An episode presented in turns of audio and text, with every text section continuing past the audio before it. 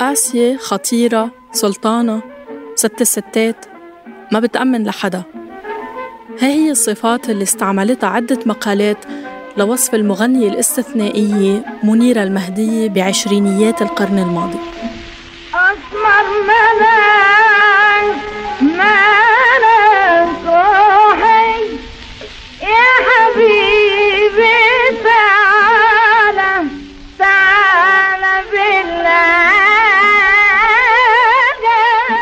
وحدة من هالمقالات منشوف صور مرفقة لمنيرة حاملة فيهم مسدس مصوب تجاه هدف خارج إطار الصورة. وبصورة تانية كانت حاملة بندقية ومصوبتها بشكل مباشر بنفس الاتجاه. فينا نقول إنه هالصور كانت تهديد مبطن لأعداء منيرة. كانت بالضبط مثل صور القادة والملوك اللي كانوا مصوبين رشاشاتهم وبنادقهم القناصة واللي انتشرت بفترات التوتر لتحمل رسالة للأعداء والمعارضين وبتقول بوضوح منجيبك ولو كنت بآخر الدنيا منيرة كان عندها عدوات كتير لكن على عكس بطلاتنا السابقات كانت هي البادئة بالمعارك ببعض الأحيان ووقفت بوجه ناس كتير وأهمهم الإنجليز مثل ما حنروي لكم بهالقصة يا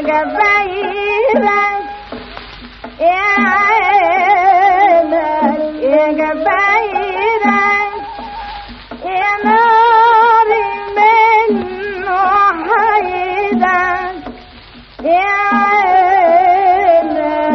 يا جباينك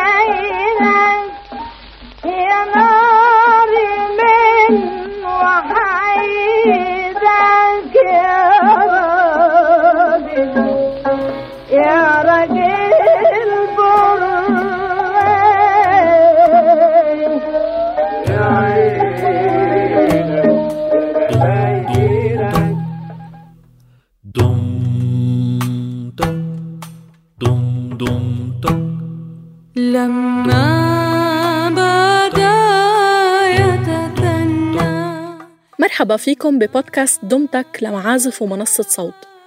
أنا رنا داوود.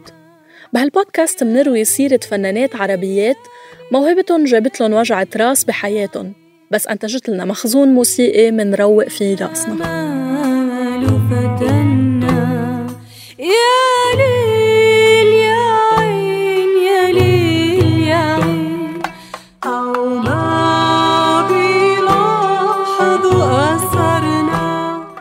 منيرة انولدت باسم زكية حسن منصور بمحافظة الشرقية بمصر سنة 88 حسب ما بيقولوا بعض المؤرخين. والدها توفى وهي عمرها سنتين وبعمر 8 سنين توفت أمها. ولأنه ما ضل حدا يدير باله عليها لعبت هيدا الدور أختها الكبيرة وربتها. من اللي قالته منيرة عن طفولتها يبدو أنه أختها كانت قاسية وشديدة. بس كانت قسوة عن ود واهتمام مش القسوة تبع مرت البي اللي متعارف عليها بالأفلام.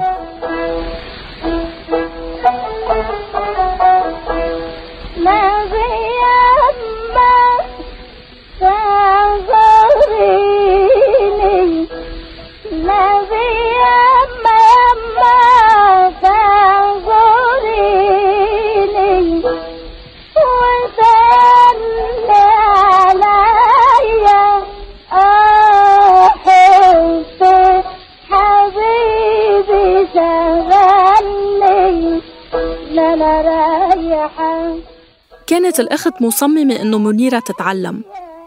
لكن بس للحد الأدنى من التعليم عشان تتجوز وتقعد بالبيت بعدين. منيرة ما كانت فاهمة هالحكي كطفلة وطبيعتها المتمردة فرضت نفسها من بكير. وبدل ما تروح على المدرسة كل يوم كانت تنزل لآخر الشارع. وبس تبعد عن البيت تشلح قواعي المدرسة وتركض بالشارع تلعب مع بنات وولاد الحي. كانت تعمل هيك كل يوم. وبآخر النهار تمرق على محبرة بالحي المجاور لبيتهم. وباتفاق ضمني مع صاحب المطبعة تنقط نقطة حبر على إيديها وأوقات كمان على مريول المدرسة. أختها الكبيرة ما كانت تقرأ ولا تكتب وبالتالي ما كانت قادرة تختبر منيرة بشو تعلمت. وعلى أي حال ما كان في أي سبب تشك باللي عم بيصير. لحد ما إجا خبر من المدرسة بيستفسر عن منيرة وبيسأل عن سبب غيابها الطويل عن المدرسة. بغضب وحدة واجهت الأخت منيرة بهالخبر. وبسرعة وذكاء ردت منيرة بغضب برضه إنه هيدا الكلام مش صحيح وإنه المدرسة طلابا وأساتذة غيرانين منا لأن أحدق وأذكى طالبة بالمدرسة وبدهم يخلصوا منها كان اقتناع منيرة وشغفها بالدفاع عن نفسها شديد لدرجة إنه الأخت سكتت وطلبت منها بعدين إنه تقرأ لها أي شيء فتحت قدام منيرة كتاب ومنيرة بكل ثقة قرأت كلمات وحدة من الأغاني اللي كانت حفظتها ببداية أيامها المدرسية الأخت ما عرفت شو تقول وقالت لمنيرة فعلا معك حق. بعد مشكلة كبيرة عملتها أخت منيرة بالمدرسة عشان هالموقف انتقلت منيرة لمدرسة تانية. والأهم من هيك إنها نفدت بعملتها. بتقول منيرة إنه بهاللحظة استوعبت شو عملت. إنها طفلة بتلعب بالشارع قدرت على أختها الكبيرة القوية وعلى إدارة مدرسة بحالها كمان.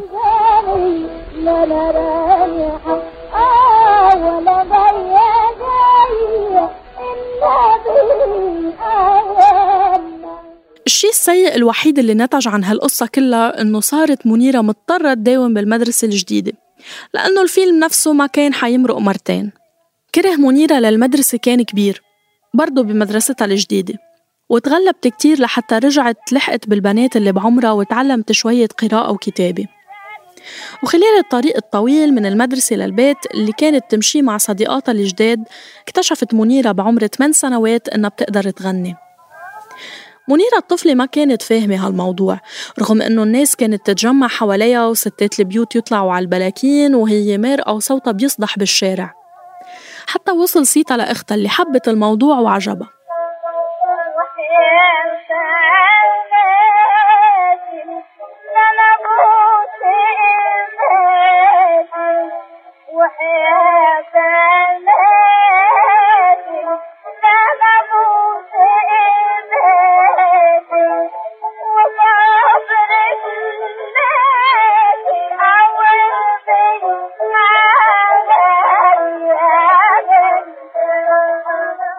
بنعرف بالضبط كيف تحول موضوع الغنى عند منيرة من الهواية للجد وإذا كان له علاقة بأختها أو لا.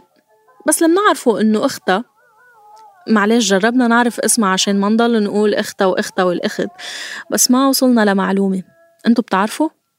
أول ما تأكدت أختها أنه منيرة عندها الحد الأدنى من مهارات القراءة والكتابة سحبت منيرة من المدرسة وقعدتها بالبيت لتلاقي لها رجال ملاك أراضي مثل زوجها. مثل زوج الأخت يعني. منيرة كملت تغني بالملاهي الليلية بالزقازيق.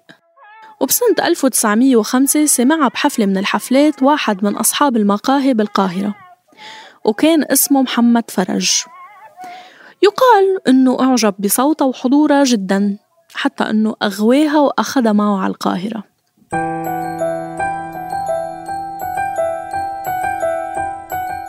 مسيرة منيرة بالقاهرة كانت قوية جدا. فكانت تعرض بمقهى محمد فرج اللي صحيح كان صغير وبسيط لكنها قدرت تبهر بصوتها وتجذب ناس مهمين وكبار مثل الشيخ سلامة حجازي اللي كان مثلها الأعلى وسليمان قرداحي وإبراهيم قباني. وبسرعة كبيرة صار اسم منيرة مهم كتير بعالم الغنى. وهالحكي بالإضافة إلى صوتها الجميل المدوي واللي ما صار مثله لحد ما ظهرت أم كلثوم وعلى فكرة هالشي بأكد عليه نجيب محفوظ بأحد نصوصه عن الموسيقى اللي أعيد نشره على موقع معازف. وهو إنه لما بدأ يسمع عن أم كلثوم ما صدق ابدا إنه فعلا في موهبة جديدة عندها صوت يتفوق على صوت منيرة المهدية. ما قدر يتخيل إنه ممكن يكون في هيك صوت أصلا. لكن موضوع أم كلثوم بنرجع له بعدين.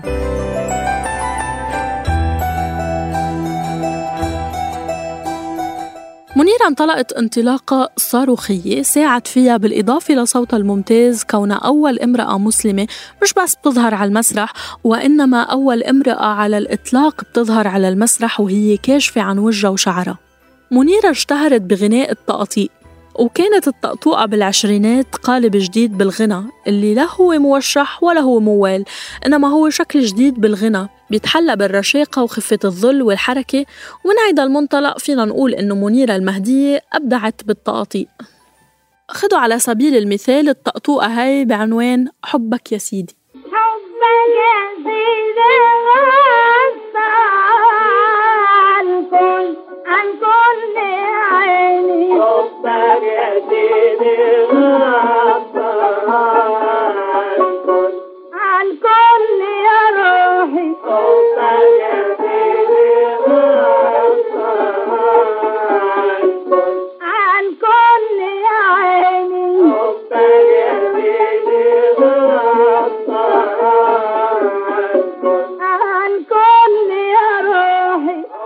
سنة 1914 بعد ما تأكدت منيرة من شهرتها ونجاحها وصار معها شوية فلوس قررت استئجار مقهى صغير بحي الأزبكية وأطلقت عليه مقهى نزهة النفوس. وبصيف 1915 ضجت شوارع القاهرة عن ظهور أول ممثلة مصرية بفرقة عزيز عيد وهالممثلة كانت منيرة المهدية. بهيداك اليوم امتلأ مسرح الشانزليزيه بالقاهرة ليشاهدوا الناس أول ممثلة مصرية على المسرح مع أنها كانت عم تأدي دور رجل بمسرحية حسن للشيخ سلامة حجازي.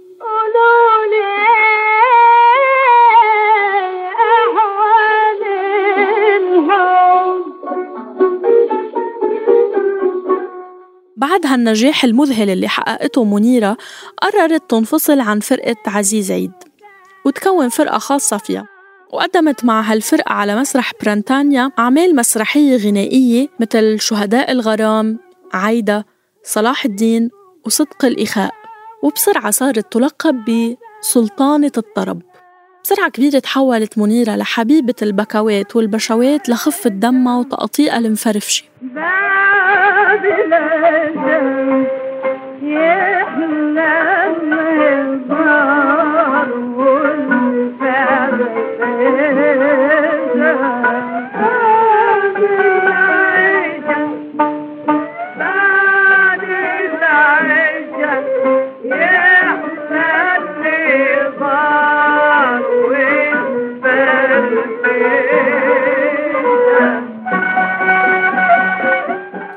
نزهة النفوس صار بسرعة أحد أهم المقاهي والمسارح بمصر.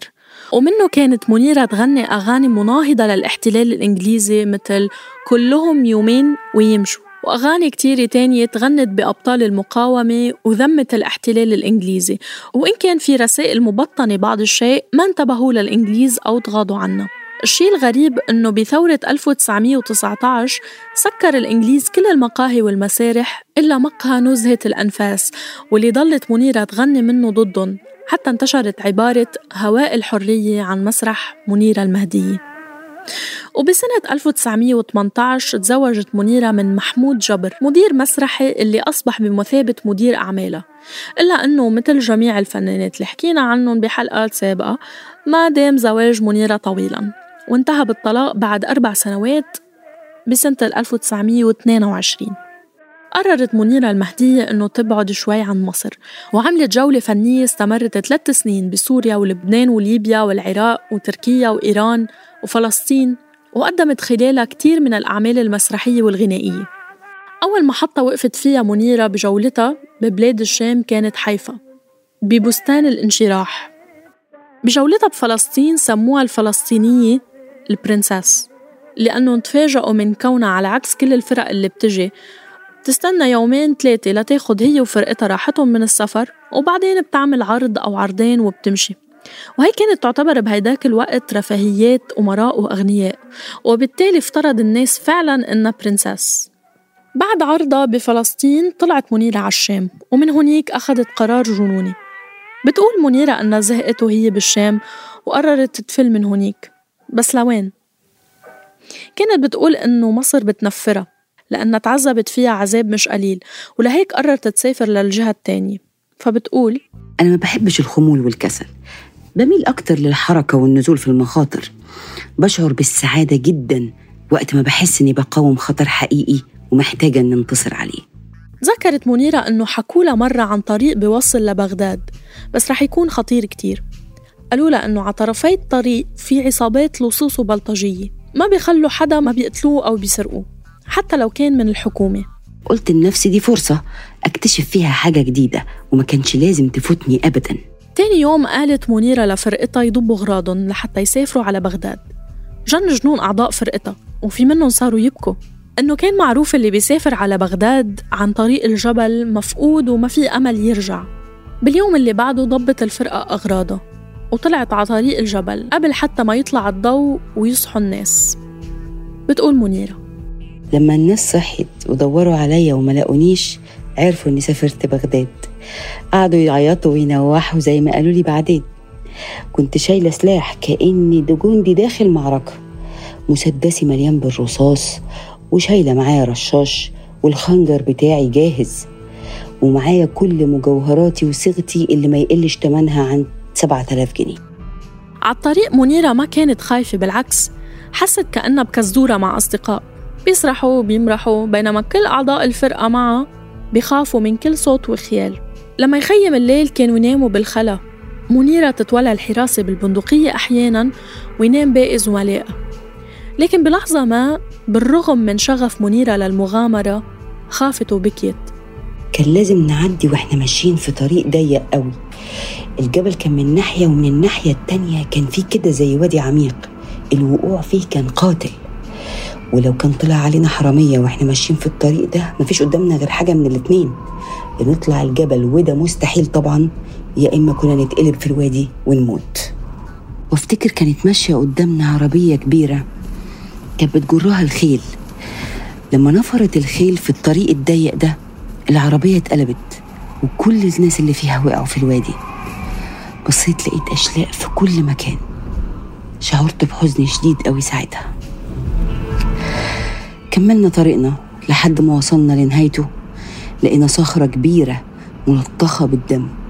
كأنها كانت ساحة إعدام في عهد ثورة من الثورات. لأول مرة لقيت نفسي ببكي ببكي بحرقة. الناس دي كانت هنا ناس زينا اتقتلوا في الحتة دي. حسيت إن إحنا وقعنا في مكان كله جرايم ومكان كله آثام والعياذ بالله. وكان مستحيل إن إحنا نمشي في الطريق ده ونعديه من غير ما يطلع علينا ونقابل عصابات ولصوص وفعلا ده اللي حصل. وإحنا ماشيين في وسط النهار فجأة سمعنا صوت عالي قوي. في ناس مننا قالوا إحنا لازم نكمل الطريق وما ينفعش نقف. وفي ناس قالوا لا نقف على جنب عشان نشوف في إيه. بس إحنا فعلا ما كانش ينفع نقف على جنب. الطريق خطر جدا والوقوف فيه صعب. كملنا طريقنا لحد ما وصلنا لمصدر الزعيق ولقيناها عصابات هجمت على العربية اللي كانت سابقانا. والدم كان في كل حتة. وفجأة لقينا نفسنا متحصرين بشوية لصوص وشوشهم مغبرة ومعاهم سلاح ما بيخلصش. حسيت إن دي النهاية. لكن فجأة وكالعادة في لحظة الخطر لقيت نفسي ببتسم وبشد نفسي وبزعق وبقول لهم سلام عليكم يا عرب. ورحنا مكملين الطريق وعدينا وكنا متأكدين إن هم هيهجموا علينا. بس في الحقيقة ما حدش هجم ونجينا. إزاي؟ الله أعلم. بس من الوقت ده اتأكدت إن ربنا سبحانه وتعالى بيحبني وبيحميني. ومن اليوم ده وأنا متعتمدة عليه في كل حياتي.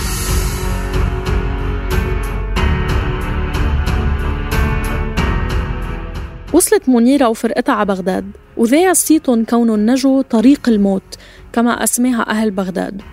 عظموهم وجللوهم حتى إنه الحاكم فوجئ جدا لما عرف إنه هاي نفسها منيرة المهدية اللي بيسمعها بالفونوغراف وإنه هي نفسها princess حيفا هي اللي اجتازت طريق الموت بهالبطولة. قضت منيرة شهر مع فرقتها ببغداد ولما إجا وقت عودتهم لمصر قررت ترجع نفس الطريق. تجاهلت معارضة الجميع وعملت يلي براسها كمان مرة وكمان مرة شافت نفس مشاهد الموت. لكن هي وفرقتها نجوا منه. أكثر ما بيثير الاهتمام بهالصورة هو براعة منيرة المهدية بالسرد والصورة اللي حاولت بناءها لنفسها. قاهرة الرجال قاهرة الجبال الوعرة حبيبة الله عنيدة متهورة واثقة وهي صور تخالف صور المرأة الفاضلة مثل ما انتشر بهديك الأيام. وهون منلمح جزء من تفرد منيرة بوقتها وعبر التاريخ. بالكتير من صورها منلاقي منيرة مش بس مسلحة أحيانا منلاقيها لابسة زي رجالة غير إنها أدت أدوار الرجل بأنجح مسرحياتها مثل روميو وجولييت. هي امرأة صلبة بلا شك. خلقت لنفسها بنفسها تصور لشو لازم تكون. صورة ما بتنصاع للشرق أو للغرب. صورة بنتها بنفسها وجسدتها بنفسها. ما بتنطبق غير عليها.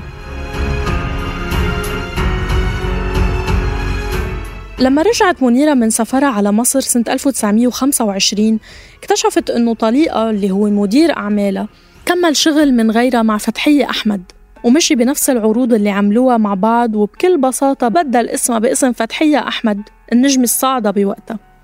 بالطبع هيدا الموضوع أثر كتير بمنيرة مما أدى لأنها تعتزل الغنى. منيرة إلى فضل كبير على عدة من أهم رجالات القرن الماضي.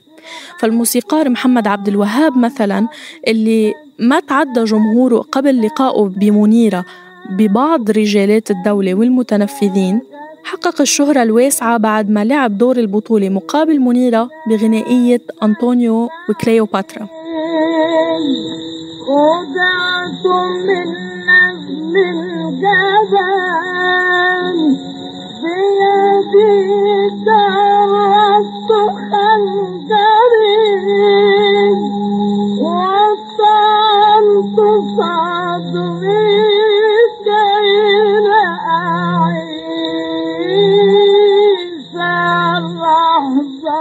انبهر النقاد بأدائهم ويمكن بعبد الوهاب أكثر لأنه كان مغمور إلى حد ما حتى ظهوره بالمسرحية.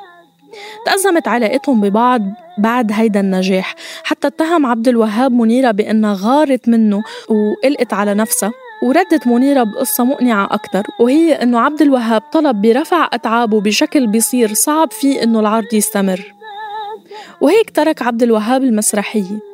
وبعد بعض محاولات استبداله فشلت المسرحية وبطلت تنعرض.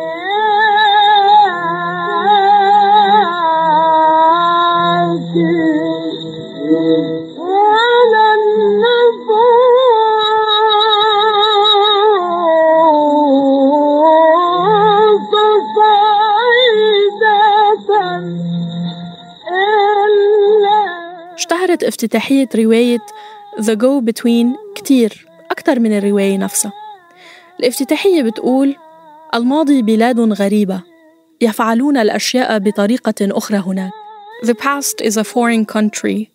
They do things differently there. الأحداث اللي عم نحكي عنها صارت قبل مية سنة. ولهيك محاولة تصنيف منيرة المهدية من بعض الباحثين والكتاب بمعايير اليوم تمرين مغلوط وغير منطقي ولا يزبط مثل ما بيصير مع كتير كتاب ومفكرين وفنانين بيضطر هيدول الكتاب دائما إنه يتغاضوا عن كتابات وأعمال وتصرفات أساسية بتاريخ الكاتبة أو الفنان. ففي أحداث بحياة منيرة المهدية تتعارض مع توصيفها كتحررية أو تقدمية أو نسوية. أحد هالأحداث كادت تكون ضحيتها أم كلثوم. كانت منيرة اعتزلت الغناء لعشرين سنة تقريبا وبعدين بسنة 1948 قررت ترجع. برجعتها كانت أم كلثوم عم بتكسر الدنيا بنجاحها وفش شي مهدية وكان فعلا صوتها أقوى من صوت منيرة وعدا عن هيك ولأنه تدربت بصغرها على إيد مقرئين وكانت هي مقرئة كان مخارج الحروف عندها ممتازة. وهيدا كان من المآخذ على أداء منيرة إنه مخارج الحروف عندها مش سليمة كتير.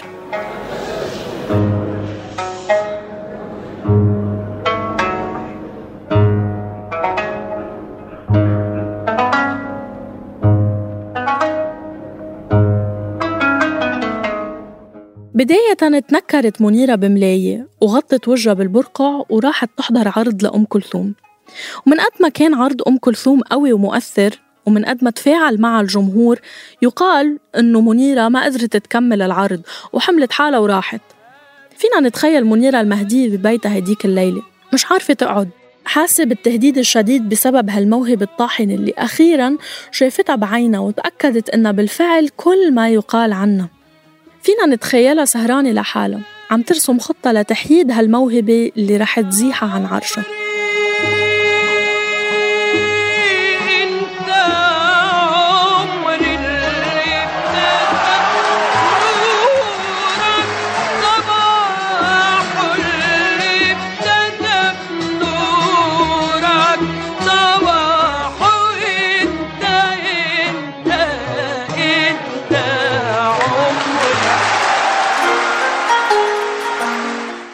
بحرب على أم كلثوم لجأت منيرة المهدية للصحافة.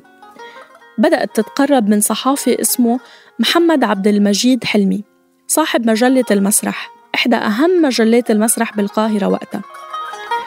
بسهولة جندت منيرة الصحافي وخلته يشن حملة ضروس على أم كلثوم بسلسلة مقالات كان عنوان أحدها مئات العشاق ولا أدري ماذا يحبون فيها. لكن هالمقالات ما جابت نتيجة. فقررت منيرة تاخد حربها لمستوى تاني وسربت إشاعة من خلال مقالات محمد حلمي وهي أنه سبب انتقال أم كلثوم من الريف إلى القاهرة بيتعلق بشرفها بشرف أم كلثوم. وبعدين بتفاصيل أكتر قيل أنه أم كلثوم تعرضت للاغتصاب بقريتها وعشان هيك لجأت للقاهرة هربا من الفضيحة.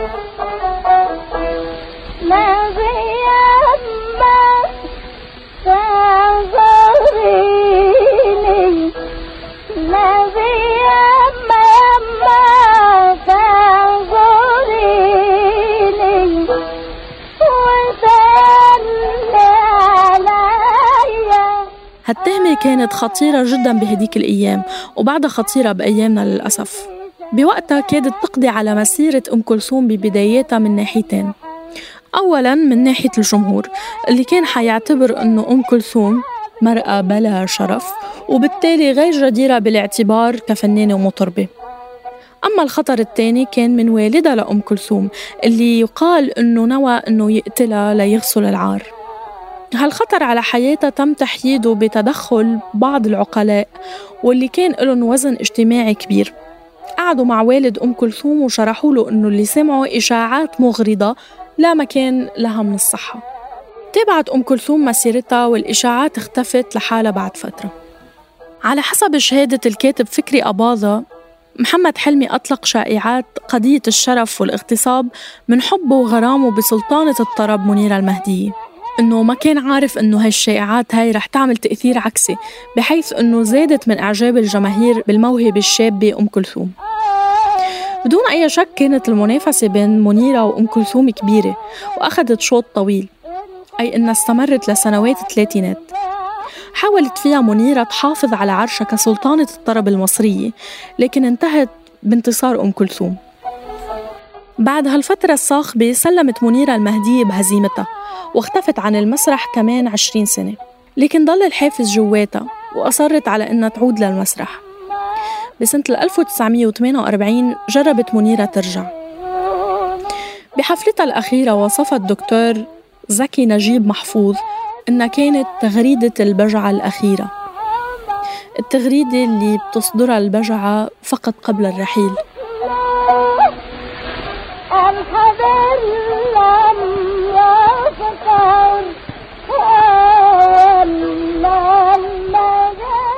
قررت منيرة ترجع للأضواء لكنها كانت شبح منيرة. أصرت أم كلثوم تحضر الحفل تقديرا لسلطانة الطرب سيدة المسرح المصري. ويقال أنه نزلت دموع أم كلثوم مع سدل الستار على منيرة قبل ما حتى تنتهي وصلتها الأولى. لفشلها بالاستمرار بالغناء بسبب ضعف حنجرتها. وهيك اختفت منيرة عن الساحة الفنية بمصر. ولكن ذكر على لسان الكاتب محمد صالح أنه منيرة المهدية كانت عطول تسمع حفلات أم كلثوم بالخميس الأول من كل شهر وضلت تعمل هيك حتى وفاتها سنة 1965 لما سألت عن الموضوع كانت تقول حد يقدر يجيله نوم والست بتغني؟ يبدو من شهادتها فينا نفهم أنه سلطانة الطرب تأكدت أنه لكل عصر فنانين وأنه لابد من التغيير فرضيت بنصيبها من الشهرة وأكدت على موهبة كوكب الشرق.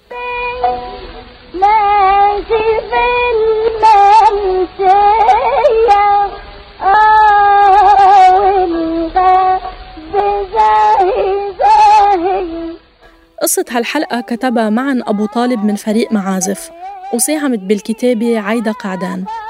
حررتها صابرين طه ومنتجها تيسير قباني من صوت. أما دور منيرة التمثيلي فأدته دينا محمد نجيب. وقدمت لكم إياها أنا رنا داوود. اشتركوا بقناة دمتك على أي وسيلة بودكاست بتفضلوها. وتابعونا لتسمعوا قصص فنانات عربيات بالحلقات الجاية.